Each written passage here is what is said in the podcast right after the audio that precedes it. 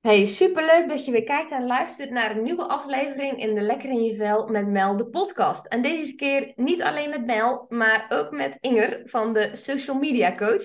Superleuk Inger dat je erbij bent vandaag. Ja, dankjewel voor de uitnodiging, heel leuk. Ik weet al waar we over gaan hebben natuurlijk, dus ik heb er zin in.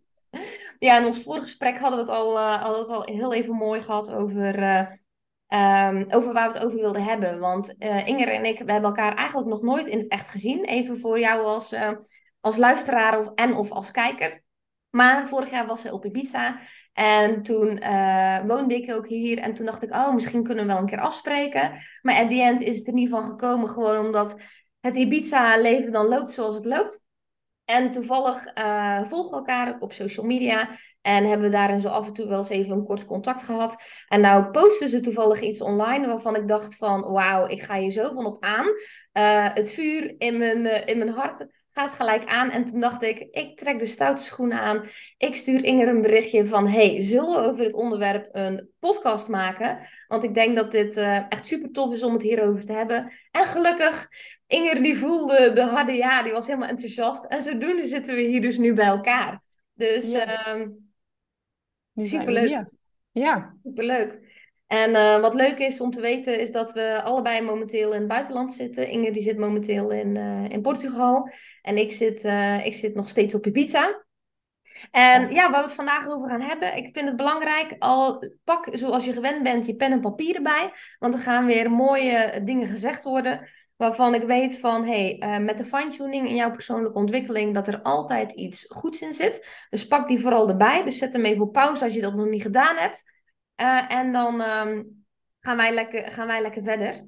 En uh, het eerste waar ik altijd mee begin, en dat is wat je ook gewend bent, is dat ik het altijd heel interessant vind om te weten, tromgeroffel, dat het altijd heel leuk is bij uh, de ondernemer die ik spreek. En als we het hebben over de lekker in je vel met Mel de podcast. Dat het natuurlijk draait ook om het lekker in je vel zitten. En ik vind het altijd heel tof om te weten wat de definitie van het lekker in je vel zitten is. En um, ja, deze stel ik natuurlijk ook gewoon aan Inger. Omdat we zo op die manier eigenlijk door al die podcasts die gemaakt worden. Dat je erachter kan komen van hé... Hey, wat, zijn nu, wat is nu eigenlijk mijn cocktail van het lekker in je vel zitten? Met alle ingrediënten die daarin horen. En uh, daarom blijft die vraag er ook altijd weer lekker in. Dus bij deze Inger, we trappen hem op deze manier af. Yes. Wat is voor jou de definitie van het lekker in je vel zitten? Yes, hele mooie vraag. Hele belangrijke vraag ook. Um, als ik kijk naar waar mijn focus momenteel naartoe gaat, hoe ik mijn leven aan het inrichten ben, dan is lekker in mijn vel zitten optimaal kunnen presteren, terwijl ik ook optimaal kan genieten van alles wat ik doe. Ik zei dit toevallig van de week nog hier. Uh, ik zit in Zuid-Portugal, ik doe heel veel hikes, ik ben heel veel in de natuur. Ik wil gewoon op ieder moment van de dag een berg op kunnen rennen, omdat ik die energie voel, omdat ik me sterk en fit voel. En tegelijkertijd wil ik me ook mentaal sterk en fit voelen, waardoor ik optimaal kan presteren in de impact die ik wil maken. Dus voor mij is die combinatie van zowel fysiek als mentaal tot grote dingen in staat zijn. Dat is een beetje mijn huidige definitie. Echt kunnen presteren. Ik voel gewoon heel veel energie voor wat ik allemaal aan het doen ben daar. Dat. Mooi, want uh, het moment dat jij dit zo aangeeft, hè, het groot, het presteren, het en-en kunnen, uh, is dat dat natuurlijk ergens een beetje uh, in de geluiden in, uh, laten we even zeggen, social media land en persoonlijke ontwikkeling, dat het eigenlijk een beetje als, ja, not done wordt mm-hmm. weggezet van het presteren. En um, uh, ja, daarom vind ik het eigenlijk extra mooi dat, dat wij elkaar dus vandaag spreken. Uh, want uiteindelijk, waar we het zo meteen over gaan hebben, is dus over een stukje al ingaan. En dus over presteren. En dat dat, uh, dat, dat ook een heel andere belichting mag krijgen in de huidige boodschappen. Die er eigenlijk zijn in social media land. Uh, ik zie het zelf niet in het gewone nieuws, maar dat komt omdat ik geen gewoon nieuws kijk. Dus ik heb geen idee, ik heb geen idee hoe dat daar is. Ik maar ook niet, geval, geen idee. Maar in ieder geval in de social media omgeving waar ik me omgeef, is wel ja. dat, uh, dat het tegenovergestelde heel erg wordt uh, belicht. En ja. dus meer in de rust, meer vanuit het, de ontspanning in plaats van vanuit het presteren en het al ingaan. Ja. En het leuke is, met jouw definitie, um, is dat uiteindelijk jij natuurlijk ehm, op dit moment, nou je dit zo gezegd hebt, dat komt natuurlijk ook ergens vandaan. En Mhm. dat is natuurlijk niet anders dat als we het hebben over, hoe ik het altijd zeg, je antwoorden in beweging gevonden te hebben. Want je bent niet van de ene dag op de andere dag een eigen onderneming gestart. Eh, je bent ook niet op de een, van de een op de andere dag nu waar je staat. En dat dat ook eh, jouw antwoorden in beweging zijn geweest, waardoor je dit nu kan zeggen. Ja. En kan je, eh, kan je mij eens een klein beetje meenemen in hoe, zeg maar, dit voor jou, ehm, hoezo deze weg, zeg maar, nu, nu staat Ja. zoals die staat? Ja, ja als, ik, als ik terugdenk aan echt, eh, ik ben nu 31, als ik terugdenk denk aan mijn tienerjaren en echt tien jaar geleden, toen ben ik aan dit persoonlijke ontwikkelingspad begonnen. En als ik dan heel eerlijk kijk, ben ik gewoon altijd heel onzeker geweest. Echt heel ontevreden met wie ik was, heel onzeker, heel kritisch op mezelf.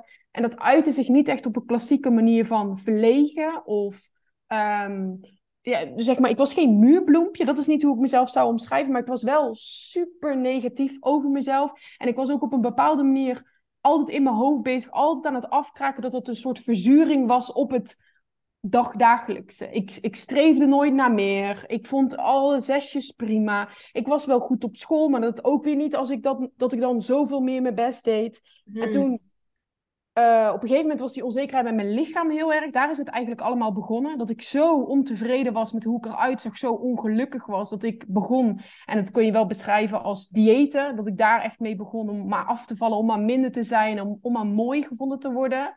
En daar ben ik mezelf heel erg in tegengekomen. Dat kritisch zijn voor jezelf en vanuit onzekerheid en alleen maar jezelf op die manier pushen, dat je dat niet op een betere plek brengt. Dus als ik dan Ja. kijk naar hoe ik nu terugkijk op de afgelopen tien jaar, waarin ik heel bewust mezelf en mijn leven aan het bouwen ben, als ik het zo mag zeggen, dan is dat echt het stukje van, ik was gedreven door ontevredenheid, daardoor probeerde ik niet, daardoor was ik alleen maar met mezelf bezig en op een negatieve manier. Ik had gewoon geen leuke beleving van alles wat er was. Ik keek ook niet verder, omdat ik zo ontevreden en onzeker was. Ja. Toen zag ik, oké, ik kan dit veranderen. En in de gym, daar is het echt begonnen voor mij, leerde ik van... Iedere keer dacht ik, oh, vijf kilo, dat kan ik niet. 10 kilo, dat kan ik niet. Echt letterlijk bij ieder gewichtje wat ik bij de stang erop deed, dacht ik, dit kan ik niet. En iedere keer kwam ik erachter, wow, ik kan dit wel.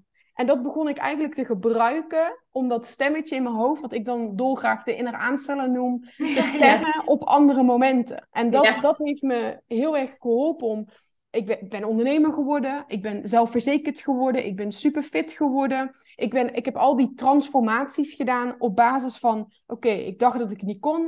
Ik weet zeker dat ik het kan als ik het maar gewoon blijf doen. Dat stukje. En dat is eigenlijk een beetje wat er, wat er grotendeels is veranderd. Maar als ik echt terugkijk, was het pure onzekerheid die de, wat de grootste trigger is geweest. Ja, heel mooi. Zeker heel mooi hoe je ook de innerlijke aansteller erbij neemt. En dat, dat wat hier eigenlijk uit gehoord mag worden, is dat je eigenlijk je inner aansteller eigenlijk hebt getransformeerd naar je eigen inner cheerleader. Ja. Eh, om, zo, om zo dus daarin je, ehm, je succeservaringen te creëren. Ja. Mooi. Ja. En ook te ervaren echt. Dus Ja. niet ergens overheen te stappen en het te downgraden, maar echt dat stukje te ervaren. Want daar zit zoveel energie in. Dat is Ja. zo'n enorme verandering als je naar die kant van jezelf leert luisteren. Ja, precies. En eh, wat was voor jou dat moment dat jij eh, door had dat je eigenlijk heel erg naar die inner aansteller aan het luisteren was? Hmm, ik denk dat er meerdere momenten zijn geweest hoor. Ik heb ehm, eh, in het begin van zeg maar dat diëten, die fase. eh, op een gegeven moment was ik daar echt een beetje in doorgedraaid. Ik weet niet of het, het slim is om hier te zeggen, maar was ik heel erg met de laxeemiddelen bezig. En alleen maar minder en minder eten en meer sporten. En het is niet dat ik ooit zichtbaar, eh, dat je aan mij zag dat ik echt op die manier moeite had met eten en met dat Ja, ja, dat is zeg maar het stereotype beeld van, van Nee, hoe ja. mensen er dan uitzien. Ja, Ja, nee, dat, dat was bij mij absoluut niet. En ik, ik, aan de ene kant voelde ik me ook fitter, eh, fitter dan in die periode daarvoor. Alleen ik merkte wel dat op een gegeven moment dat ik daardoor echt in de problemen kwam met... Oh, wow, wat gebeurt hier allemaal? Ik kreeg steeds vaker buikpijn en ik was echt gedreven door het je moet minder, je moet minder, je moet minder eten. ik was gedreven door een bepaalde verzuring. Dus dat waren heel veel momenten waardoor ik er dan achter kwam dat ik aan het veranderen was en dat ik mijn gewoontes aan het aanpakken was, maar dat ik dus nog steeds iets van dat stemmetje als drijfveer had. Dus dat waren dan momenten dat het dat ik niet meer kon sporten. Dat ik steeds buikpijn had. Maar ook gewoon dat het mijn, mijn dagelijkse beleving belemmerde als ik op vakantie ging of wat dan ook. Dat ik altijd gestrest was in mijn hoofd met oeh, hoe ga ik dit doen? En dat, uh, dat is daar het begin geweest. En ik denk dat dat dan, dat is bij het fitte gedeelte. Als ik dan kijk bij, bij het ondernemerschap, was dat in de periode dat ik mijn baan opzij, even weer zo'n periode waarin ik uh, heel erg luisterde naar de angst en toch daardoorheen moest kiezen. Ja, ja, dat zijn dus meerdere momenten geweest. Ja, en wat, wat, waar ik ook heel nieuwsgierig naar ben, is dat je heel mooi zegt, hè, uit loondienst gaan. Ik voelde mhm. die angst en toch deed ik het. Ja. Um, kan, je, kan je dat omschrijven? Um, dat stukje, hoe kan ik dat even goed, hoe kan ik dat goed zeggen? Dat je dus wel die angst voelt, mm maar tegelijkertijd voel jij dus klaarblijkelijk ook iets anders. Wacht even, hij is er nu. Ah. We moeten heel even pauze, wacht. Yes, daar zijn we weer. Hij was heel even gepauzeerd. En ehm, waar ik met uh, Ingrid over had, was over het stukje dat er naast die angst, uh, dat jij dus ook daadwerkelijk iets anders nog voelde naast angst. En kan, je, kan je dat eens wat uitleg aan geven, ehm, ehm, wat dat precies was voor jou? Ja, ik weet nog dat het een soort van herkenbaar gevoel was. Ik wist waar ik met die baan naartoe ging. En dat was niet heel veel meer dan wat ik eh, die afgelopen anderhalf jaar aan het uh, doen was. En ik wist gewoon van, oh, maar ik wil niet terug naar dit gemiddelde gevoel. Ik wil niet terug naar die oude Inger. Ik voelde mezelf gewoon verkleinen. En ik wist dus dat het daar voor mij ophield. Waardoor die angst, dus het was echt een combinatie. Ik hoorde aan de ene kant heel erg gefluisterd, dat is ook hoe ik altijd zeg, hoe intuïtie met je communiceert versus die inner aanstellen die schreeuwt. Um, ik hoorde dus gefluister van, oké, je mag meer van jezelf verwachten, er is meer voor jou. Weet je wel, je, je, je hebt meer in je, dit is, dit is genoegen nemen met. En aan de andere kant was ik dus wel nog die angst die ervoor zorgde dat ik in plaats van direct ondernemer werd, toch nog eerst ging solliciteren. En dat oh was wel heel grappig, want in, ik weet nog dat ik werd uitgenodigd voor een, uh, voor een gesprek.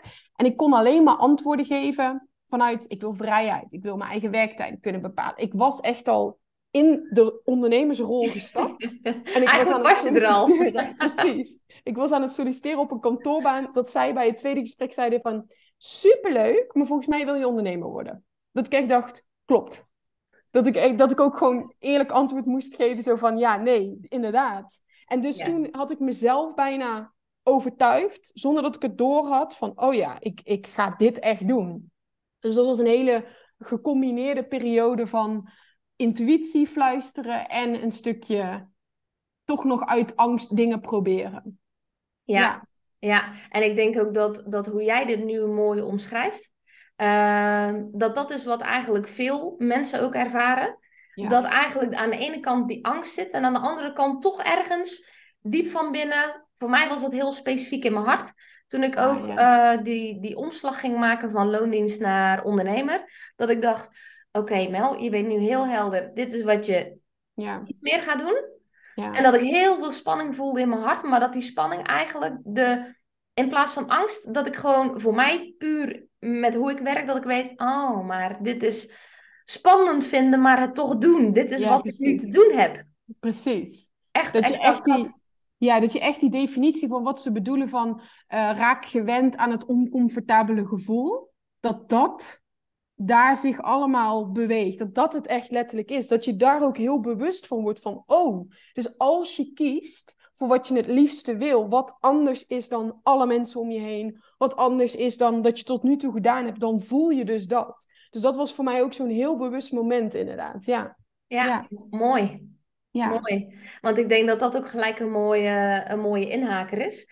Um, omdat uiteindelijk, waar ik heel erg op aanging bij jou, uh, op je social media, was dat we het hadden over het al ingaan. En durf je al in te gaan? Ja. En uh, het al ingaan in je business, het al ingaan door een investering te maken, het al ingaan in de keuzes die je, uh, die je hebt en die, dus, die je moet maken.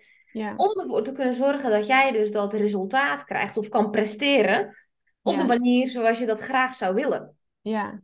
En ehm, dat er ongetwijfeld degene die hier nou naar kijkt of naar luistert, ook zich heel erg kan herkennen in dat stukje van, oh ja, ik voel aan de ene kant die angst, die me naar links wil trekken. Aan de andere kant voel ik ook dat gefluister, dat gevoel waarvan ik mhm. weet, oh, ik wil eigenlijk die andere kant op. En dat denk ik het al een, um, een leuke inhaker is om, om daarop verder te borduren. Ja. Ehm, wat, jou, uh, wat jou uiteindelijk heeft doen laten besluiten om dus te luisteren mm naar dat gefluister in plaats van te luisteren naar die angst. Ja. Ja, het is, uh, nu, nu zeg ik dit echt vanuit bevestiging. Nu zeg ik dit vanuit een plek waarin ik zoveel vertrouwen heb gecreëerd en zoveel bewijs heb verzameld dat ik dat juiste pad heb gekozen.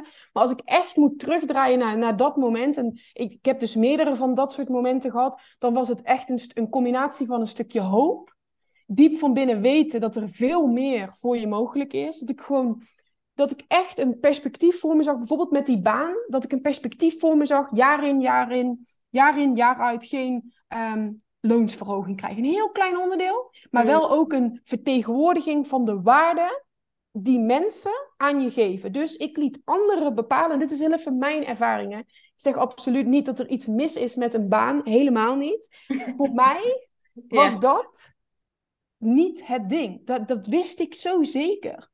Ze zeggen dan, ja, je hebt een beetje een probleem met autoriteit. Zo kun je het omschrijven, hè? vanuit het schoolsysteem. Je bent bazig. Ik, heb alles gehoord. Ehm, of het is gewoon dat je zo bewust bent van je eigen behoeftes, je eigen skills, je eigen kunnen en je eigen wensen, dat je daar veel meer energie voelt. Dus voor mij was het gewoon letterlijk, die kant voelde, holy moly, dat is net zo, zoals in de films.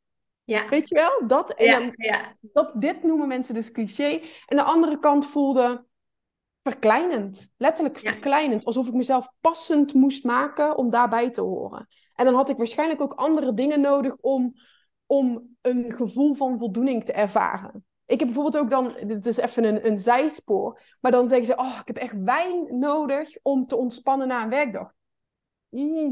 liever niet, weet je wel? Ik, ik heb dat liever niet. Ik wil dat allemaal in mijn dag hebben. Gewoon allemaal ja. gecombineerd. Ja, het hele kleurenpalet. Ja. ja. Ja.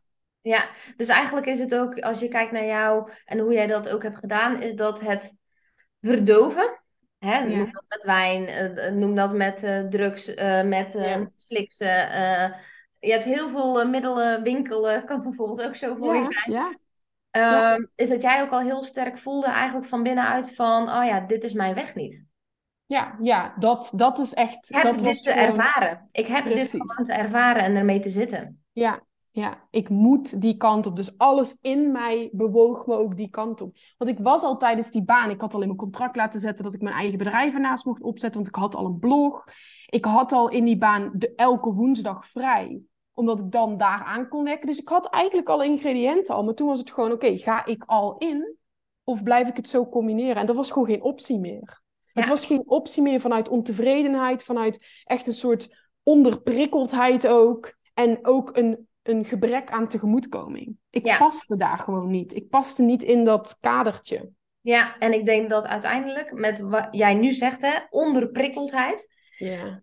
Ik denk dat heel veel mensen, ook alle mensen die ik uh, in de tijd als fysiotherapeut en osteopaat behandeld heb, ook alle mensen die ik begeleid binnen het mentorschap. En ik denk dat jij ook niets anders dan kan ontken of uh, kan bevestigen dat dat zo is, is dat er heel veel mensen eigenlijk last hebben van onderprikkeldheid, noem het een mhm. bore-out. In ieder geval niet een voldaan gevoel hebben van wat ze aan het doen zijn uh, de hele dag door. En noem daar werk in zeg maar als groot onderdeel aan. Dat over het algemeen de meeste mensen 8 à 9 uur per dag spenderen aan werk als het niet meer is. Ja.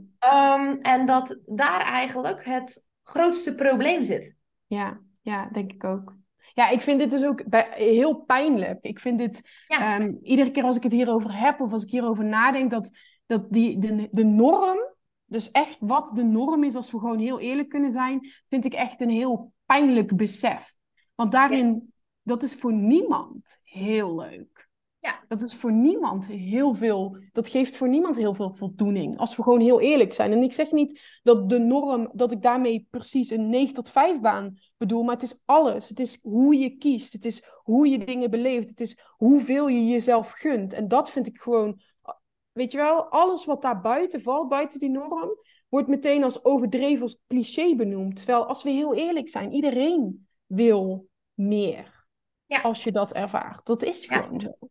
Maar dat Ja. wordt zo in de grond gestapt, gestampt. Ja, zeker in Nederland. Ja. En doe maar normaal, Ja. dan doe je al Ja. gek genoeg. Ja. Ja, dat is echt zo. En wat ik heel mooi vind, wat je hier ook aan aangeeft, is met de norm, is hoe ik hem eigenlijk altijd heel plat sla. En, en dat is dan gelijk echt heel plat, maar ook de realiteit. Een realiteit die niet iedereen meer kan horen, omdat ze zich daarin ehm, eh, aangevallen voelen. Maar eh, wij zijn van dezelfde leeftijd. En wat een heel mooie eh, voorbeeld daarvan is, is dat wij toen op de basisschool zaten. Hoeveel kindjes toen eh, een normaal gewicht hadden en hoeveel kindjes daarin overgewicht hadden. En Mm. eh, wij komen allebei uit een andere type omgeving. Ik kom uit Zeeuws-Vlaanderen, jij uit, uit de regio van Eindhoven. Maar dat er in mijn klas, en ik had een klas van 35, wij hadden een hele grote klas, Wauw. is dat er maar één of twee dikke kindjes in zaten. En dat, ehm, eh, dat eh, als we het hebben over de norm, als we kijken naar de fysieke norm ook, buiten Mhm. de mentale norm, eh, als we het hebben over comfortabelheid om daarin te Mm. zitten, in die norm, de 9 tot 5 mentaliteit norm, is dat de hele norm in de ruimste zin van het woord ehm, eh, gewoon aan het verzwakken is. Omdat dus nu, als je kijkt naar kindjes op school, of als je nu op het strand kijkt, eh, en ik zeg niet dat daarin eh, eh, dat iedereen een maatje 32 moet hebben, dat helemaal niet. Maar wel als we het hebben over de norm, dat die heel erg aan het verschuiven is. Heel erg aan het verschuiven is naar comfortabelheid, naar de handschoentjes om de vingers en de armen doen. Van hé, hey, laten we dan dat omschrijven in plaats van direct benoemen. Ja. Ehm, en dat ook zeker met, noem dat conservatieve gedachten, noem dat eh, sowieso de transitie waar we nu eigenlijk in zitten, met, met ehm, ook, eh, ik noem even nog wat andere voorbeelden, met ook bijvoorbeeld gender, genderneutraliteit, die daar ook heel erg in die agenda wordt gestopt. Eh, en dat je ziet dat in die norm alles maar in plaats van alle kleuren van het hele palet, meer eigenlijk allemaal wordt gedempt naar dezelfde kleurtjes. Alles moet hetzelfde Mm. zijn, alles moet één zijn. En dat, dat, ik, dat ik dat ook heel erg zie binnen de norm. Hmm. Ja, ja. Ja, ik weet dan heel even niet zo goed hoe dat te combineren is. Zeg maar, ik heb daar dan minder een visie over dan, dan ja, maar dat is meer even een toevoeging. Meer even Ja. een toevoeging met wat jij zegt van, oh ja, de norm is dat, dat mensen alleen niet meer meer willen, want dat is Ja, iets slechts. dat. Uh, Ja. En dat je ook ziet in die, die norm dat heel veel dingen op een globale schaal eigenlijk in die norm allemaal veel ja, comfortabeler weg wordt Ja. gezet. Op Ja, die manier. comfortabel, ja. Ja, ik denk dat dat, ik denk dat comfortabel, eh, als het gaat over zeg maar je leven creëren, dus heel even specifiek over dat stukje, hoe ik dat dan ervaar en ook over inderdaad met je lichaam, met je, met je mentale stuk, dat comfortabel de norm is en dat ehm, alles daarbuiten, daar word je voor gewaarschuwd. Ja. En ik heb zelf ook wel eens berichten ontvangen, meermaals eh, berichten ontvangen over pas op dat je niet in een burn-out komt. Pas op dat je niet daar, pas op dat je niet overspannen raakt. En dat dat bijna de norm is geworden van, oh want, hè, als je dat doet, dan ga je gegarandeerd die kant op. In plaats van dat we ook de kant van voldoening zien als daar zit heel veel energie. Daar zitten heel veel oplossingen. Daar zit heel veel, eh, ja, levenslust zelfs. Ja, juist. Juist, en daar gaan we het dus over hebben. Over Ja. die levenslust, over de dynamiek in je leven creëren. En dat juist uit het comfortabele stappen, als we het hebben over de bore-out, als we het hebben over het gebrek aan voldoening, dat het dus heel vaak te maken heeft met in die comfortabelheid blijven hangen. Ja. Alleen dat, dat ehm, keuzes maken daarin, en laten we daarmee beginnen, ehm, dat heel veel mensen het dus moeilijk vinden om keuzes te maken. Ja. Heb jij een idee als we het hebben over keuzes maken en met jouw achtergrond ook als, eh, als coach, wat, je daarin, wat jij daarin ziet? Nou, wat ik vooral zie is dat mensen zichzelf niet afvragen wat ze echt het allerliefste willen. En daar begint het wel. Mensen, wij staan niet meer echt op dat niveau stil bij wat we echt het allerliefste willen. En dit is dus ook wat ik bedoel met dit wordt zo snel afgeschreven als een Disney-film, als cliché of als, weet je wel, dat wordt weggewuifd. Maar ga maar eens echt vragen aan jezelf, echt jezelf in de spiegel aankijken met pen en papier. Wat wil ik nou echt? En er zijn geen regels. Dit is, dit is niet belachelijk, dit is niet materialistisch. Er zijn, als je dat doet, dus echt grenzeloos en regelloos aan jezelf vragen: wat als alles kan, zou ik het liefste willen? En dit, dit, hier hebben we het vaker over, maar gebeurt het ook echt? Doen mensen het ook echt?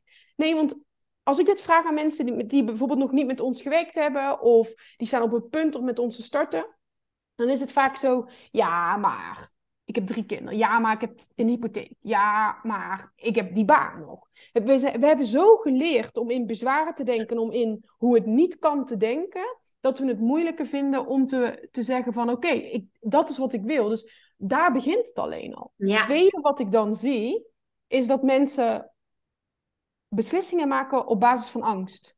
Grotendeels. Ik denk 9 van de 10 keer bijna alle beslissingen zie ik gebaseerd worden op angst. En angst echt in de meest ruime zin van het woord. In de vorm van angst voor wat anderen daarvan vinden.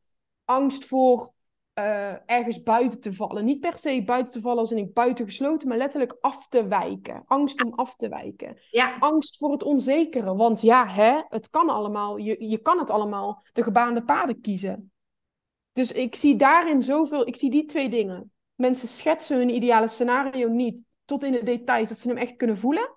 Dat is iets wat ik echt mis, terwijl daar zit zoveel energie, daar zit zoveel kracht ook om te kiezen. En het tweede is, we leren om keuzes te maken op wat verstandig is, wat klein is en wat behaalbaar is, in plaats van dat we keuzes leren maken op dat scenario wat we daar kunnen schetsen. Dat zijn de twee belangrijkste dingen die ik zie. Ik weet niet wat jij nog een mooie aanvulling hebt vanuit jouw perspectief. Ik denk dat je de twee belangrijkste zaken te pakken hebt. Uh, en dat echt de allergrootste is angst van wat anderen ervan vinden. Die is hmm. ook die ik echt ronduit van al het werk wat ik, wat ik tot nu toe heb gedaan in de afgelopen tien jaar, dat ik ook denk van, oh wauw, we zijn zo geconditioneerd ja. in het bang zijn wat een ander ervan vindt. Ja. Dat is zo'n grote conditionering. Buiten het feit dat we natuurlijk allemaal die universele behoeftes hebben, ook omdat we uh, graag goed genoeg willen zijn voor een ander. Dat is zeg maar evolutionair gezien, uh, it makes sense waarom we dat doen.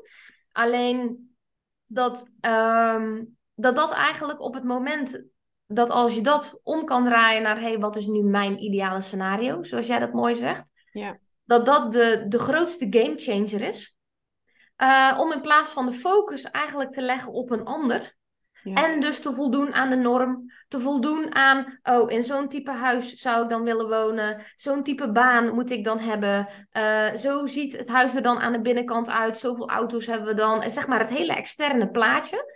Ja. Um, om dan de gamechanger te maken naar die binnenwereld. En die binnenwereld dan oprecht, oprecht zichtbaar te gaan laten worden. Ja. Ja. Um, dat dat de allergrootste gamechanger is. Ja. Ik vind het ook altijd een mooie als mensen het hebben over hoeveel fantasie kinderen hebben versus volwassenen. En hoe belangrijk het is om te blijven spelen. En hoe belangrijk het is om je, om je dat soort dingen. Ik heb, dat, ik heb dat een hele periode niet begrepen hoor. Daar moet ik heel eerlijk in zijn. Maar als je dat gaat doen en als je fantasie gewoon weer toelaat. Weet je, we kunnen het heel zweverig maken. Dat is dus een van de termen die mensen gebruiken om iets niet te doen. Hè? Ze noemen het dan zweverig. Dus als we het hebben over visualiseren, mediteren, inderdaad binnenwereld, dan wordt vaak een stempel boven gehangen met zweverig. Oh, dus dat past niet bij mij, want ik ben vanuit karakter hè, niet zweverig. Dan kunnen we het fantasie noemen. Een woord dat wel acceptabel is. Is exact hetzelfde. Is exact hetzelfde. De kracht is hetzelfde, de inhoud is hetzelfde, de manier is hetzelfde dan, dan, dan, dan moet je daar weer terug naar gaan. En dan moet je dat weer gaan toelaten. Van wat zou dat betekenen in je dagelijkse leven? Maar in plaats van dat we daar naartoe bewegen. En ik zeg heet het we, maar eigenlijk horen wij sowieso niet tot die groep. En de mensen die met ons werken ook niet. Dus de mensen die hier naar luisteren, die staan daar sowieso al voor open.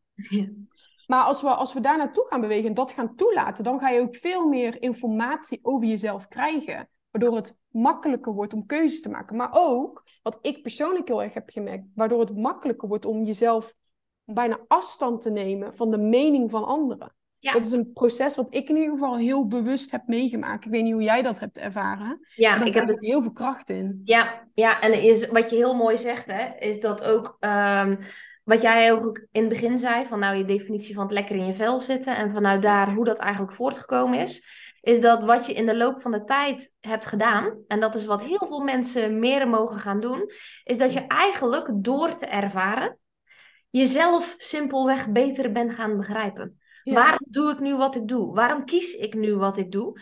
Waarom komen deze gedachten nu en deze emoties nu? En durf ik vanuit dat stukje mezelf helemaal te begrijpen? Ja. En dat dan ervoor te kiezen om steeds minder te gaan luisteren naar die innerlijke criticus. En Ja. steeds meer te gaan luisteren naar die inner cheerleader, omdat je heel helder hebt van hé, hey, als ik in die fantasie mag stappen. Ja. Ik had het toevallig eh, eh, vrijdag had ik een masterclass gegeven voor, eh, voor de deelnemers van Basecamp. En die masterclass die ging over geld, geluk en vrijheid. Mm. En de vraag die ik daarin altijd stel, en ik, ik kan ongetwijfeld ook eh, niet anders bedenken dan dat jij ook wel eens met die vraag speelt, is dat eh, als ik dus vraag aan mensen van, goh, stel hè, jij zou dus nu al het geld van de wereld hebben. Ik heb er ook een Ja. post van gemaakt van, goh, wat als jij 50.000 euro per maand netto, netto Mhm. 50.000 euro elke maand op je rekening gestort krijgt. Wat zou jij dan allemaal veranderen? Mm. Om dan op het moment dat dat geld, want daar verschuilen mensen zich heel makkelijk achter, achter geld. Ja. Eh, Ja. Omdat ze denken dat dat het probleem is.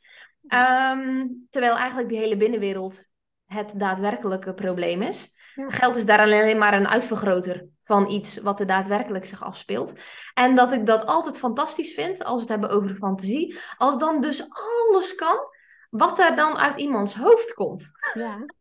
ja. Als, ze echt, als ze echt dat knopje omzetten en het toelaten. Wat er dan naar boven komt. Toelaten. Ja, ja, en wat ik dan het meest magische vind, ik heb eh, heel lang de training gegeven inner aanstellen versus de inner you go girl. Dat was toen nog mijn, mijn Oh ja. dat was een van mijn eh, websites. En wat ik, wat ik mensen dan heel erg duidelijk wilde maken, is als je luistert naar deze kant, check dan bij jezelf in, dus de inner aanstellen kant, check dan bij jezelf in, wat voel je nu? En dan was het, dan voelden ze eh, verdriet, lage frequentie, echt frustratie. Gingen ze fronsen, merkten ze dat ze gespannen gingen zitten. Dus dan, terwijl we oefeningen deden om de inner aanstellen te horen, checkte ik daarna in, hoe voel je je nu?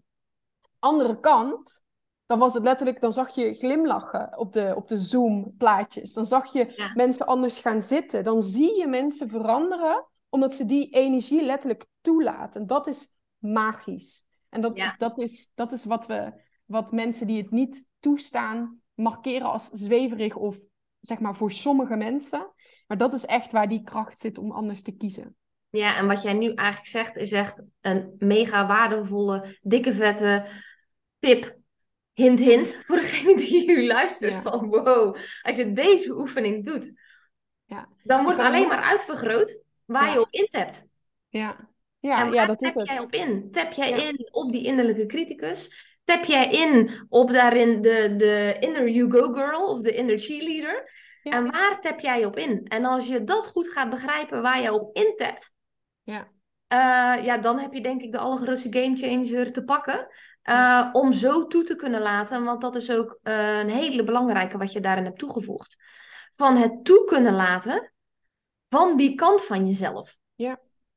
Ja, ja dat, dat is in ieder geval wat ik merk. Dus dat stukje toestaan, daarna luisteren, ongeacht wat anderen daarvan vinden, ongeacht wat mijn inner aansteller daarvan vindt, heeft voor mij de, het vermogen om te beslissen heel veel veranderd. En dat heeft al die gevolgen gehad. Dat ik heb gekozen voor een eigen bedrijf. Dat ik ook eh, iedere winter naar een andere plek ga waar de zon wel schijnt. Dat Ja. ik, weet je wel, dat ik een, een ander soort relatie heb. In ieder geval een ander soort relatie. Ik weet niet wat ik, ik bedoel gewoon dat ik een fantastische relatie heb met mijn Yes. vriend. En dat we samen dingen kiezen in plaats van dat we naast elkaar leven. Wat ik ook heel vaak zie. Dat ik een Ja. bedrijf bouw wat bij me past versus een bedrijf wat het meeste geld oplevert zonder dat het voldoening geeft. Ik ervaar het aan deze kant allebei.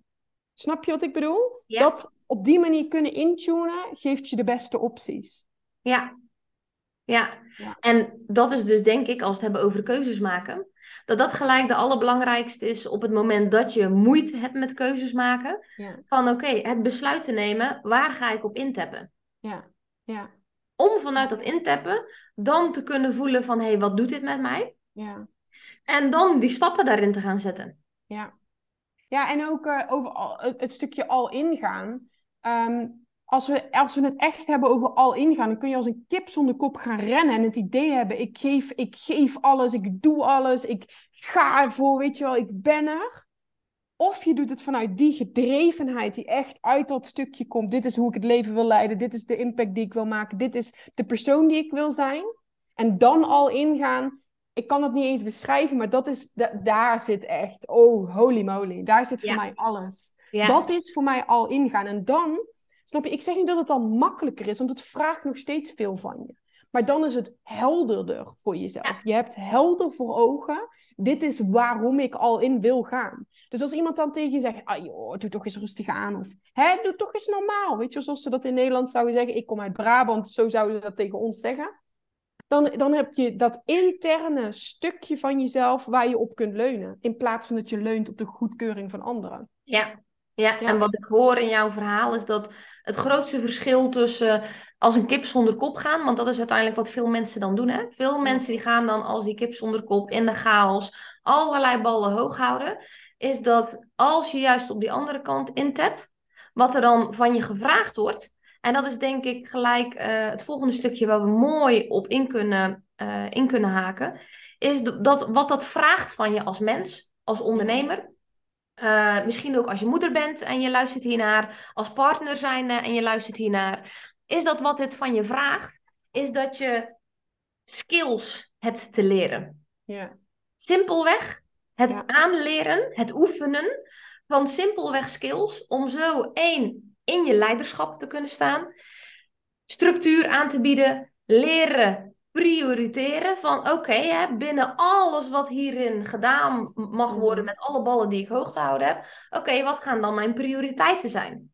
Ja. Om zo nog meer, als je die skills binnen het persoonlijk leiderschap dan gaat oefenen, gaat beheersen, die dan zet op dat stuk al ingaan, dat je dan dat kan creëren.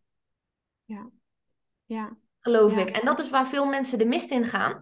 En vanuit dus zeg maar de chaos, de kip zonder kop, dan uiteindelijk belanden in, in ik zeg heel even, het scenario burn-out omdat ze dan al die honderd ballen die dan in de lucht zitten, dan denken, oh, maar, maar dit is dan hoe ik dat dan zou moeten doen. Ja. Um, en dat we juist uh, hebben te leren, als je dus keuzes maakt, uh, hoe je dus binnen die keuzes ook nog eens gaat leren prioriteiten te zetten. Ja. Um, om zo ervoor te kunnen zorgen dat je dus gas kan geven in dat al ingaan. Hoe, is, dat, hoe is dat in jouw proces gegaan? Zeg maar binnen, binnen dat stukje um, uh, meer luisteren naar je inner um, you go girl. En dan vanuit daar uh, dat je ook jij ongetwijfeld erachter kwam van oké, ik heb hierin met mijn ambities die ik heb, de uh, hoge lat die ik heb, de grootste dingen die ik heb. Dat je dus erachter komt van, hé, hey, maar, maar ik heb dan, ik heb prioriteiten te stellen. Hoe is dat proces bij jou gegaan? Ja, ik weet nog wel dat als ik dan terugkijk op het begin van het ondernemerschap, heel ambitieus begonnen, heel, weet je, van de daken schreeuwen en wauw, ik ga dit doen. En dat ik wel een beetje van de koude kermis thuis kwam, in de zin van dat ik dus niet voor ogen had gezien wat het echt van me vraagt in, in een bepaalde gelaagdheid. Dus wat ik daarmee bedoel is, ja, ik ben al ingegaan op het ondernemerschap. En ik kwam van de koude kermis thuis omdat het veel meer was en veel meer betekende dan ik ooit had kunnen bedenken. Ik had niet bedacht dat het zoveel van mij persoonlijk zou vragen, want dat kun je niet voorspellen. Ook op een positieve manier, maar ook op een, op een zeg maar, ontwikkelingsmanier. Je gaat echt een. Ik vind ondernemerschap een van de grootste persoonlijke spiegels want wat jij ervaart komt ook terug in je business, toch? Ja. Ja, dat stukje. En um, dus in die gelaagdheid zit er heel veel. Dus ik weet nog dat als we het dan hebben over skills, dat ik dacht, ja, ik moet gaan verkopen. Maar je moet niet gaan verkopen. Je moet, je moet, ja, je moet gaan verkopen, maar je moet verkoopskills leren. Je moet producten maken. En dit is letterlijk heel de praktische platte kant. Hè? Je moet producten maken waar je volledig achter staat, waar je voldoening van krijgt. En die ideale klant wil kopen. Dan los daarvan moet je ook weer jezelf overtuigen dat jij mag verkopen. Dus dan kom je weer in een andere laag van je oude mindset. En dan kom je erachter van, oh, ik gun mezelf wel de wereld als het een illusie is, als het toch een plaatje is. Als het echt wordt, moet ik daar opnieuw aan werken. En dat is dan heel even het stukje sales. Maar zo kom ik dan op al die stukken, kwam ik mezelf opnieuw tegen. Dus ja, ik vind, en ik vind het juist mooi dat je sales gebruikt, omdat dat de grootste uh, waar de grootste moeite op zit. Hè? Want sales, persoonlijk uh, goed genoeg zijn, erkenning, afwijzing, alle universele elementen die juist heel erg voor, uh, naar voren komen met sales. En zichtbaarheid, durf je jezelf te laten zien op de voorgrond. hey, mijn product. Uh, zeker binnen de online wereld ten opzichte van, van een offline bedrijf. Ja, ehm, ja en dat, dat heel erg alles, ja, geld sales. Ja, ja, ja, ja, alles, trekt alles naar voren. Ja. ja, en ik weet ook nog, ik heb in mijn ondernemerschap een hele duidelijke shift gemaakt van ik was echt een influencer in de fitness, in de, in de persoonlijke ontwikkeling en in de mindset. Dat, dat stond ik een beetje bekend, maar ik wilde gewoon het liefst zoveel mogelijk volgers. Ik wilde door iedereen leuk gevonden worden. Dat is zeg maar fase 1 van het ondernemerschap. En ik zei dan ook altijd, ik wilde heel veel tips geven, maar dan zei ik erbij, no expert, wel een wijsneus om mezelf ah. in te dekken. Ja, ja, ja. ik vond het een heerlijke quote. Maar ik kwam er later achter dat dat echt iets was waar ik me achter verschuilde. Want als ik echt ging claimen, zouden ze me dan nog steeds leuk vinden? Als ik echt ging, weet je wel, ging staan voor de power die ik in me voelde, wat gebeurde er dan? Dus dat is ook een hele duidelijke shift die ik heb gevoeld in de bedrijven die ik heb gebouwd. Uiteindelijk, nu heb ik één bedrijf in plaats van twee, waar ik me een beetje achter verschuilde, waar het nog een beetje als spelen voelde. Nu ben ik echt iets aan het bouwen waardoor ik in die rol kan staan en waardoor ik nog meer springplanken voor mezelf en ook Mark, omdat ik het samen met mijn partner Mark doe, kan bouwen. Ehm, om daar echt volledig voor te gaan staan. En dat vraagt opnieuw weer heel veel van me. Dus ja, ja, je komt er verschil hard tegen. Ja, waar verschuil jij je achter? Hele scherpe dit, hè? Hele scherpe. Waar verschuil jij je achter? Ja, ja. en dat is hem uiteindelijk. Ja, het zijn, eh, eh, ik weet nog dat die zin, die werd dan ook gekopieerd door andere mensen die zeiden van, wow, weet je, wat een mooie, wat een goede claim, want ik wil inderdaad ook niet, niemand hoeft een, goeroe te zijn. En ik weet nog, ik, weet, ik, ik weet nog dat ik echt zoiets had van, oh, oh, ja, nee, ik verschuil me achter iets waar ik me echt, wat ik een beetje mijn, mijn signature move had gemaakt. Beetje Nelly met zijn pleister vroeger uit onze tijd, weet je wel? Dat, dat was het, ja. Ja. Ja, en dat zijn soms echt onverwachte dingen hoor. Dat zijn echt onverwachte dingen. Ja, ja, en mooi wat je zegt, hè, binnen dat, jouw reis ook met stuk te leren, te prioriteren. Dus dat je er ook achter kwam, wauw, sales gaf mij een enorm vergrootglas van hoe ik daarin eigenlijk dus, dus deed wat ik deed. Ja. Ehm, en, en kan je daar nog zo'n voorbeeldje in geven? Dat als we het dus hebben over prioriteiten stellen binnen het ondernemerschap. Wat daarin voor jou ook nog een hele belangrijke is geweest om hmm. al in te kunnen gaan op die energy leader. Om in die richting te stappen waar je dus nu staat. Ja, dat is, dat is een stukje geldmanagement. Dat is aan de andere kant. Dus ik had heel veel moeite met sales. Ik liet eigenlijk klanten mijn tarieven bepalen in het begin. Ik liet klanten mijn diensten bepalen.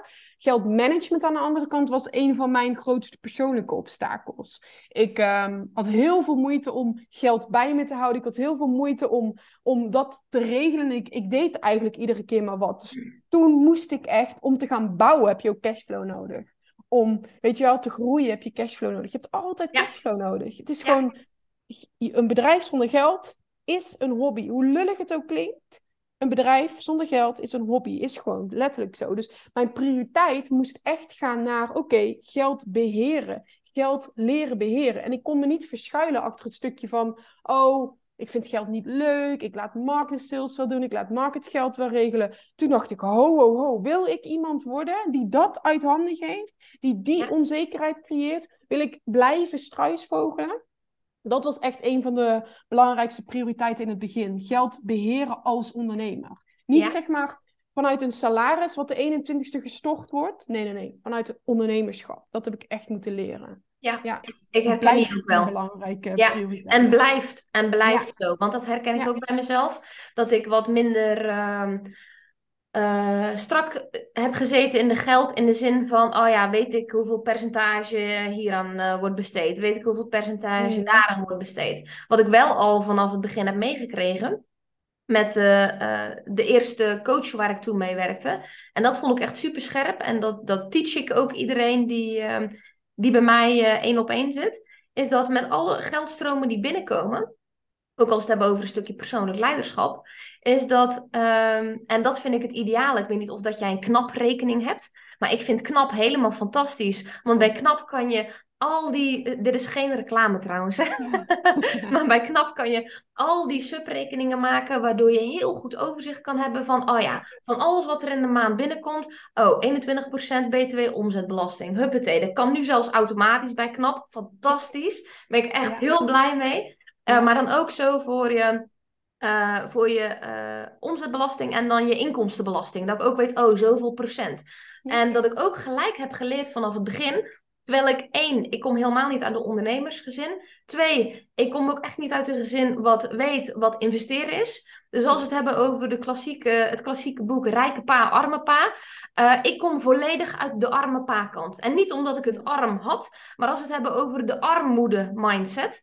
Uh, en hoe dingen je aan werden geleerd. En dat vanaf moment één in het ondernemerschap bij, met die coach mij heel erg werd verteld: Mel, vanaf moment één, je moet ook investeren. Ja. Van het geld wat je binnenkrijgt, hoeveel het ook is, 10% altijd wegzetten. Al is het in het begin op een spaarrekening van knap. 10% van je maandelijkse cashflow moet daarop weggezet worden, zodat je ook gelijk leert te investeren vanaf het begin. En dat dat voor mij ook echt een dikke vette game changer was. Omdat ik dacht van zo, ik zie als ondernemer dat geld nu lekker binnenrollen. Um, maar dat ik, als we het hebben over geld beheren ook, maar ook over verstand hebben van geld. Ja. Want ik Tijd vond, besteden aan Ik vond economie het allervervelendste vak ever op de middelbare. Oh, toen ik dat naar HAVO 3 kon wegdoen. Dat ik dacht, yes, biologie, natuurkunde, scheikunde, let's go. Ik ga helemaal, helemaal die kant op. Ja, ja. Uh, omdat ik economie echt uh, verschrikkelijk vond. Maar dat ik heel blij ben dat ik dat in mijn ondernemerschap ook uh, een van mijn prioriteiten heb gemaakt om als skill te leren en te beheersen. Omdat het echt super belangrijk is. Ja, ja dat, dat moest ik op de harde manier leren. Want bij mij ging al het geld altijd op. Totdat ik op een gegeven moment in de problemen kwam met rekening betalen. Het is niet dat ik ooit schulden heb opgebouwd. Maar het was wel gewoon heel stressvol. Dat was echt toen kwam ik dus weer in zo'n periode waarin ondernemen heel moeilijk werd. Waardoor mijn mindset wat zuurder werd. Waardoor die inner aansteller het overnam en dat stukje. Dus daar merkte ik echt dat geld je prioriteit moet zijn. Niet in de vorm van hebben, hebben, hebben. Maar in de vorm van, oké, ik kan dit beheren. Het is een skill die ik kan leren. Ik moet tijd besteden aan geld. Om weer die rust en ruimte te kunnen ervaren. Ja, ja, precies. Ik denk dat het ook een hele mooie is als we het hebben over... Uh uh, met alle onderwerpen waar we het eigenlijk tot nu toe over hebben gehad. Als we het hebben over keuzes, prioriteiten, als we het hebben over geldbeheren, als we het hebben over ondernemerschap. Dat wat, wat momenteel ergens een beetje een onderbelicht kindje uh, is binnen ondernemerschap. Is dat wat nu heel erg in mijn social media bubbel uh, en ook in die van jou in ons vorige gesprek waar we het over hadden gehad, mm. was met betrekking tot als we het hebben over de balans binnen mannelijke energie, vrouwelijke energie, uh, heel sterk naar van, oh ja, laten we met z'n allen manifesteren. Ja. Ik changeer hem nu echt even helemaal volledig, hè? puur om even contrast te creëren. Um, van oké, laten we manifesteren. We doen onze handjes naar achteren en the universe is going to provide us. Mm. Um, terwijl waar wij het nu allemaal over hebben gehad, is geen vrouwelijke energie. Nee. Dit zijn juist de, de, de, als we hem even plat wegzetten, de mannelijke energietaken. Om ervoor te kunnen zorgen dat vanuit daar, vanuit die hmm. actie, ervoor gezorgd kan worden dat ook daadwerkelijk je fantasie um, op aarde gezet kan worden. Als we het hebben over manifestatie, kracht, creatiekracht, fantasie, neem het hoe je het weg wil zetten. Ja. Ja, dat is iets wat ik gewoon heel erg mis. En vooral bij de vrouwelijke ondernemers. Ik, ik vind niet dat ik mezelf onderneemster of vrouwelijk ondernemer hoef te noemen. Maar wat ik heel erg mis in, in, in die bubbel is het stukje wat daarnaast staat. Dus ik word vaak gewaarschuwd, op, let je op je balans tussen je mannelijke en vrouwelijke energie. Terwijl ik denk, oké, interessant, jouw perspectief. Maar zonder die actie is er geen verandering. Zonder die actie is er letterlijk geen resultaat wat je wil creëren. Dus als we het hebben over die beleving, kan je wel hopen op flow en kan je wel hopen op inderdaad wat jij zegt, handen achterover en ik wacht op de inspiratie. Maar het is een combinatie. Het is een hele belangrijke stap die we daarin moeten maken. En dat we dat ook gewoon eens aanmoedigen, alsjeblieft. Moedig elkaar aan om moeilijk werk te doen. Moedig elkaar aan om die persoonlijke ontwikkeling echt aan te gaan. Moedig elkaar alsjeblieft aan om, om ergens volledig voor te gaan staan. Om al in te gaan als we hem even rond mogen maken. Maar dat, dat is echt momenteel mijn. Ik, ik, ik, ik, ik geef me een luidspreker en dit is wat ik zou zeggen. Ja. Hallo, hallo, mede, ja. mede. ja, het aanmoedigen van die grote doelen, van die fantasie tot werkelijkheid brengen. Ehm, en ik denk ook dat, dat waar we hier ook een stukje in aanstippen, is dat als we hier mogen zeggen, een taboe doorbreken. Ehm, dat het dus ook heel belangrijk is voor degene die hiernaar luistert. Van hey, als iemand anders in mijn omgeving zo groots aan het denken is, grote doelen heeft, een hoge lat heeft, een fantasie heeft, wat doe ik dan? Ja. En ga ik dan zeggen van nee, nee, hè, want heb je al hier aan gedacht en daaraan gedacht en bla bla bla bla, alles vanuit het hoofd? Of ga je daarin mee en ga je zeggen van hé, hey, wauw, wat fucking vet, jouw idee. Ja. Super tof. Uh, ik denk dat als jij erin gelooft, je hebt de juiste skills, je bouwt het op, je ontwikkelt jezelf, dat er niets anders kan gebeuren dan dat het een succes gaat worden. Ja, precies. Aanmoedigen. Ja. Ja, hele mooie. Ja, en dat dat, uh, denk ik, de shift is die, die, als we het hebben over taboe doorbreken, dat dat een shift is die gemaakt mag worden. Ja. Dus aan de ene kant uh, groter, uh, groot, groter, grootst. En aan de mhm. andere kant ook heel erg het praktische van oké, okay, um, de skills. Het kunnen beheersen. Wat vraagt dat van jou? Kan je daarin keuzes maken? Durf je daarin ook je prioriteiten te stellen? Want dat betekent ook dat als je dat wilt, uh, dat het ook betekent dat je niet, ik zeg heel even wat, hè, Paas is net geweest, leuk voorbeeld. Ja, dat dat betekent dat als er een lang weekend vrij is, ja, dat je dus ook te werken hebt in zo'n weekend. En niet alleen maar lekker gezellig van paasontbijtje, brunchje, s'avonds uh, met z'n allen gezelligheid. Dat je dus ook keuzes te maken hebt. Dat als jij dat zo graag wilt, dat je daar dus dan ook het gedrag voor mag laten vertonen. Um, en dat dus de, ja, de keuzes die daarbij horen, dat je die ook daadwerkelijk maakt. Als jij daar een, een, um, uh, een tip in zou mogen geven. Als we het hebben over van oké, ik wil al ingaan. Ik wil luisteren naar mhm. de cheerleader. Ik wil groots. Ik wil de uh, lat hoog leggen en ik wil daarin graag grootste dingen bereiken. Mm -hmm. um, wat is dan jouw, jouw tip waarin jij um, die voor, ook voor jou wellicht geholpen heeft. Mhm. Met betrekking tot het durven, nu heel praktisch plat. Stel het zou volgende week Pasen zijn. En hè, we hebben dus allemaal plannen. Wat dan jouw tip zou zijn, of wat jou ontzettend geholpen heeft, om dus je gedrag aan te laten sluiten. Uh, en de keuzes daarbij aan te laten sluiten bij die grootste ambitieuze plannen, dromen en doelen. Ja, dit is een tip um, die ik altijd aan ondernemers geef, die ik, um, die ik coach. En dat is eigenlijk de manier waarop je je dag begint, bepaalt ook hoe je onbewust beslissingen maakt. Ik, ik heb een hele bewuste ochtendroutine en de, de, de exacte inhoud verandert. Maar ik begin mijn ochtend met mijn ideale scenario. En dat is een actieve herinnering aan mijn ideale scenario. Dat is niet alleen de quote, het ideale scenario is het enige scenario, wat ik echt continu tegen mezelf zeg om daarin blijven te geloven, maar ook wat dat voor mij betekent. En dat, die groeit, dat scenario groeit met me mee. Dus ik ben nu een tijdje hier in Portugal. Ik heb gemerkt van, hmm, ik denk dat ik hier een tweede basis wil bouwen.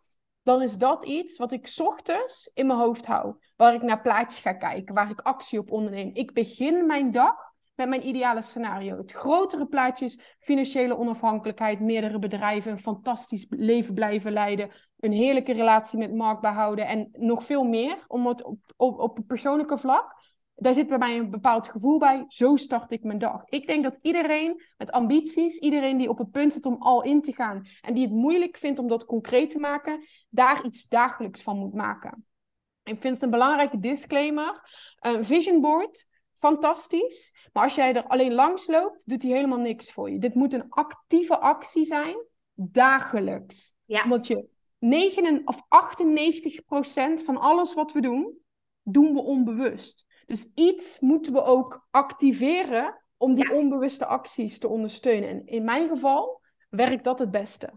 Ja. En het is dus niet een ochtendroutine, oké, om vijf uur de wekker, om zes uur dat, om zeven uur dat, om acht uur dat. Nee, nee, nee. nee. Tjak, tjak, tjak, tjak, Wat ik op dat moment... Hey, maar, hey, heel even, hey, binder dan dat, hè?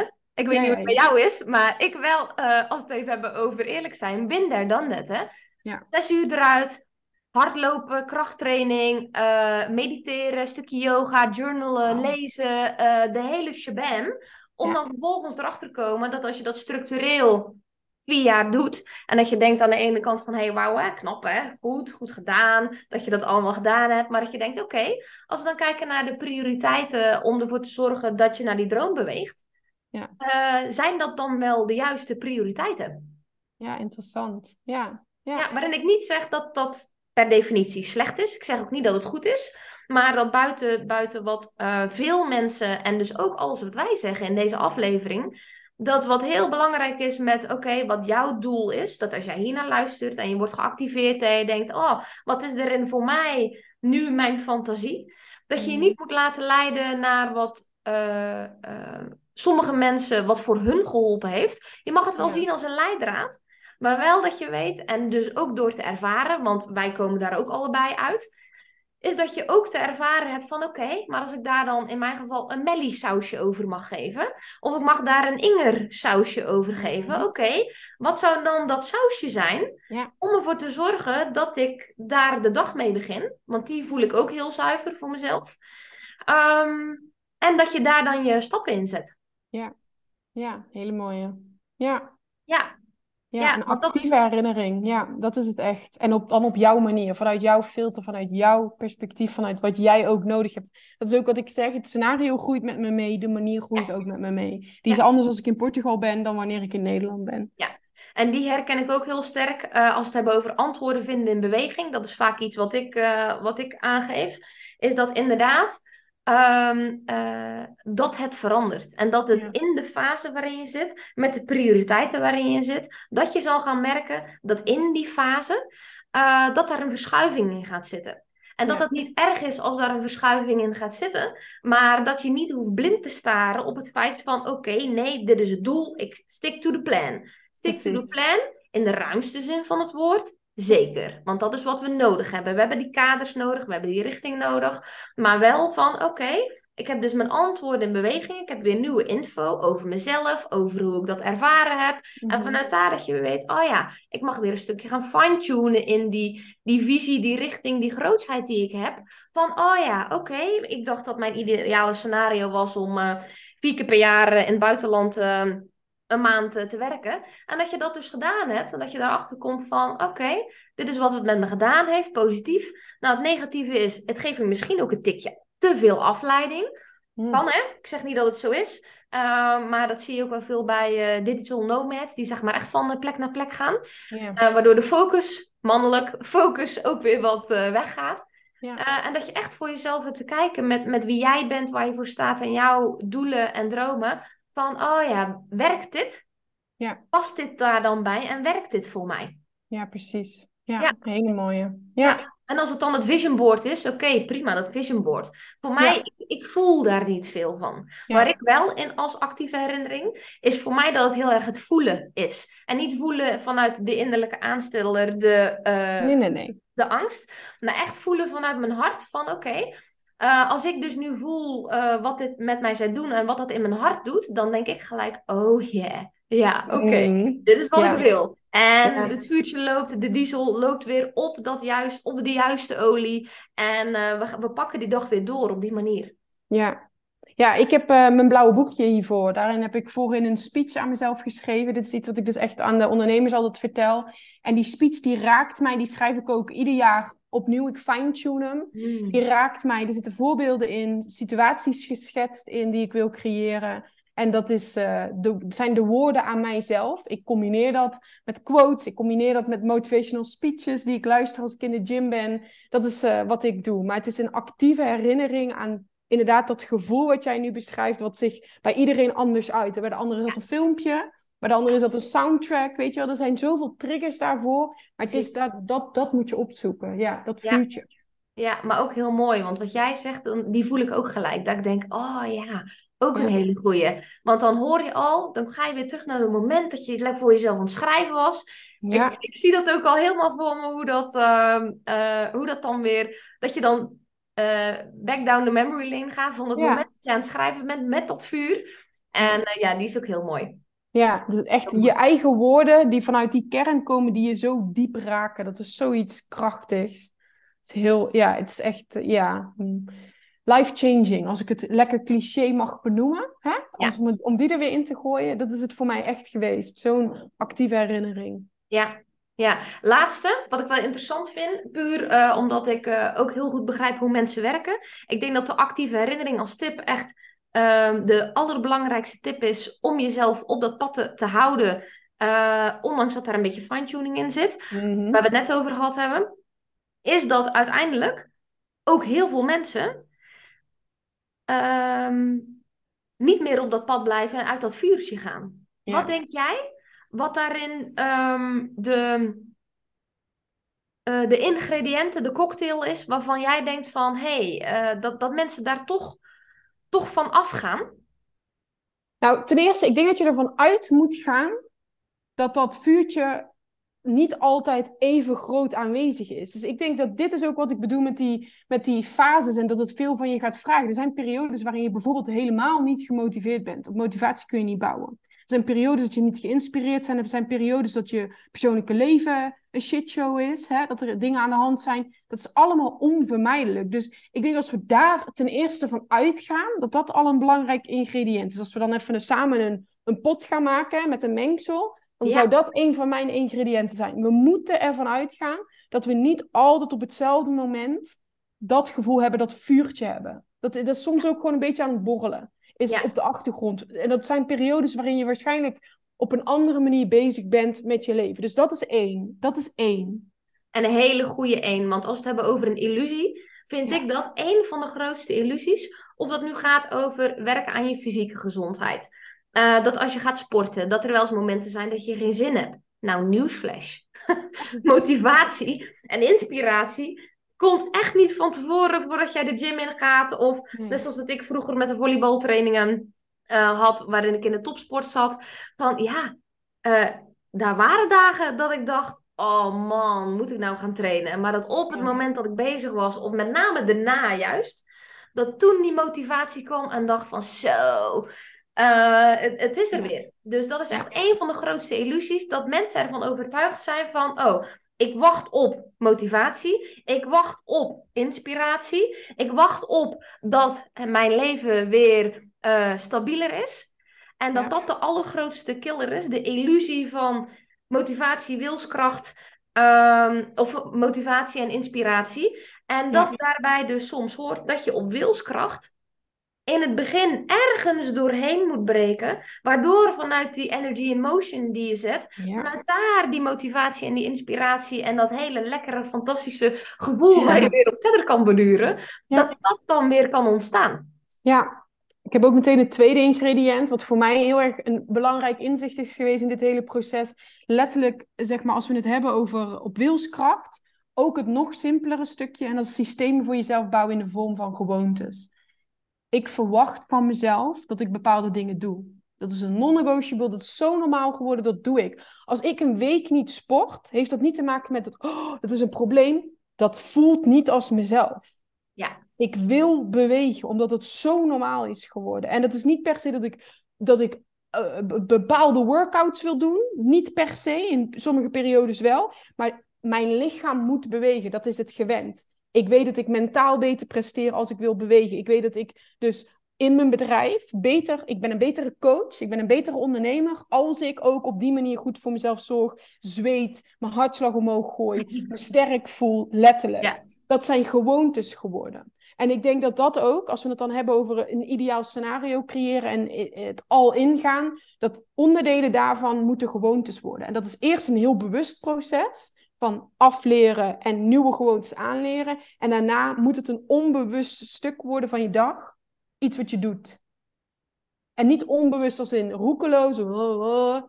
Bewust onbewust. Je doet het met je volledige aandacht. Ja, mooi. gewoontes. Hele belangrijke.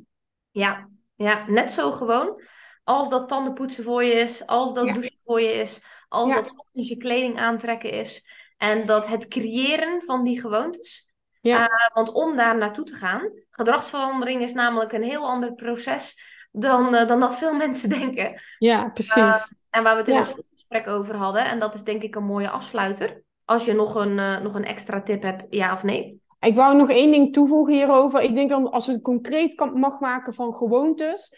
Alleen al het corrigeren van die angstgedachten en van die niet helpende, beperkende overtuigingen. Dat is een van de belangrijkste gewoontes die je moet aanleren. Want wat ik vaak zie is dat ondernemers, ambitieuze mensen, die vergeten dan, oh, ik heb de beslissing gemaakt. Nu zal het wel, weet je, nu wordt het fantastisch. Net wat jij net ook zegt. Maar dan begint het spelletje van je inner aansteller, ik noem hem inner aansteller, die gaat je dan proberen te overtuigen. Nee, nee, nee, nee, nee, niet dit, niet deze kant op, niet te veel, niet te groot. Dan gaat het spelletje pas beginnen. Dus dan is het aan jou als gewoonte om te leren naar welke kant ga ik luisteren.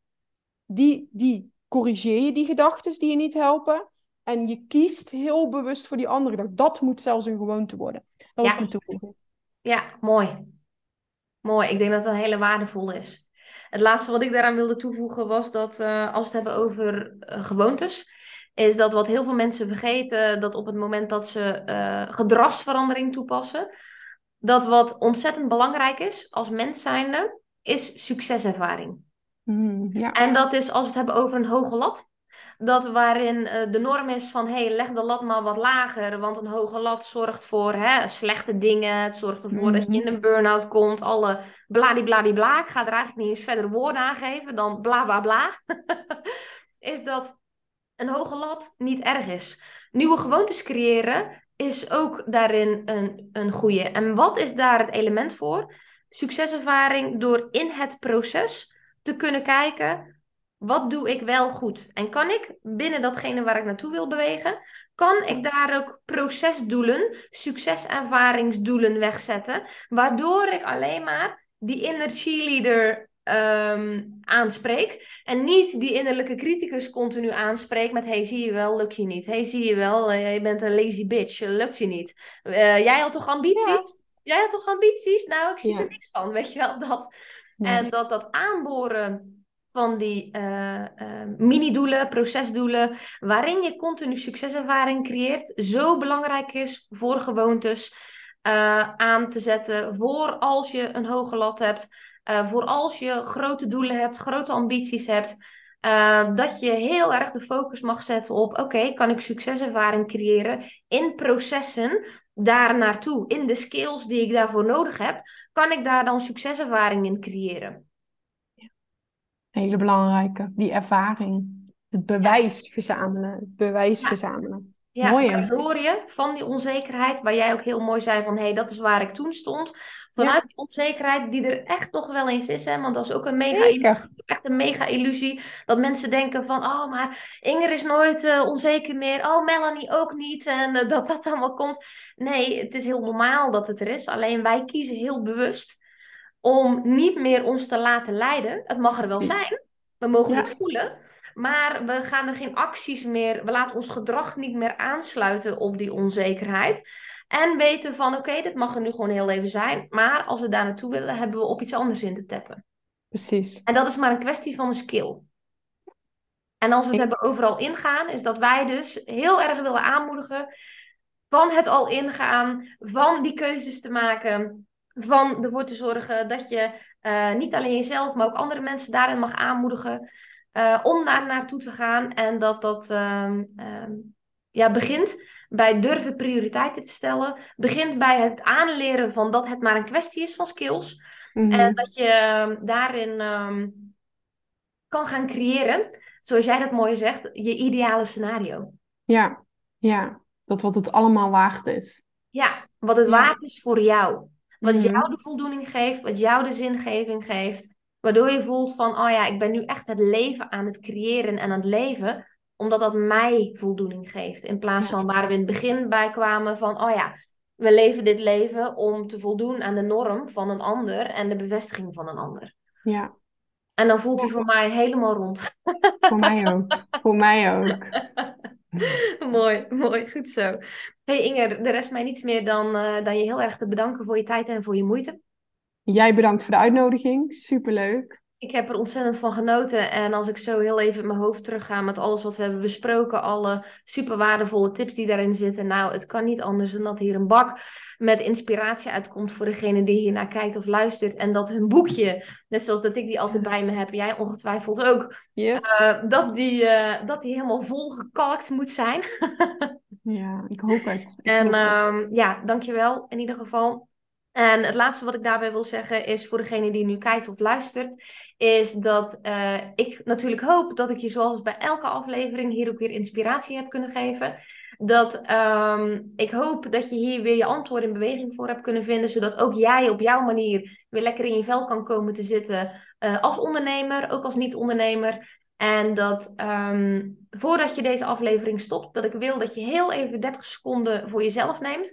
En kijkt van, oh, welke les, welke zin, welke eye-opener of doorbraak zit nu in deze aflevering, waardoor je denkt, hey, deze is voor mij, met mijn verhaal, mijn context, eigenlijk super belangrijk. En dat je die mee mag nemen in je eigen reflectie.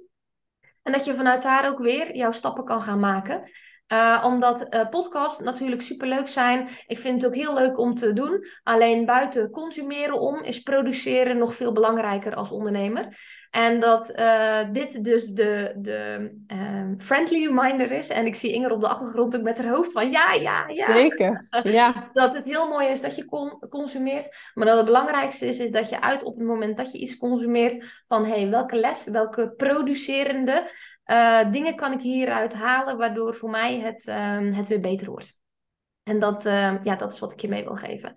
En voor het aller, allerlaatste dingetje wat ik je wil vragen, is dat het mij heel erg zou helpen als je even vijf seconden, als je deze stop zet, het is echt maar vijf seconden, de tijd zou kunnen nemen om op de sterretjes te drukken in Spotify, om ervoor te zorgen dat je op die manier een review achterlaat. Want daardoor gaat de zichtbaarheid van deze podcast heel erg omhoog.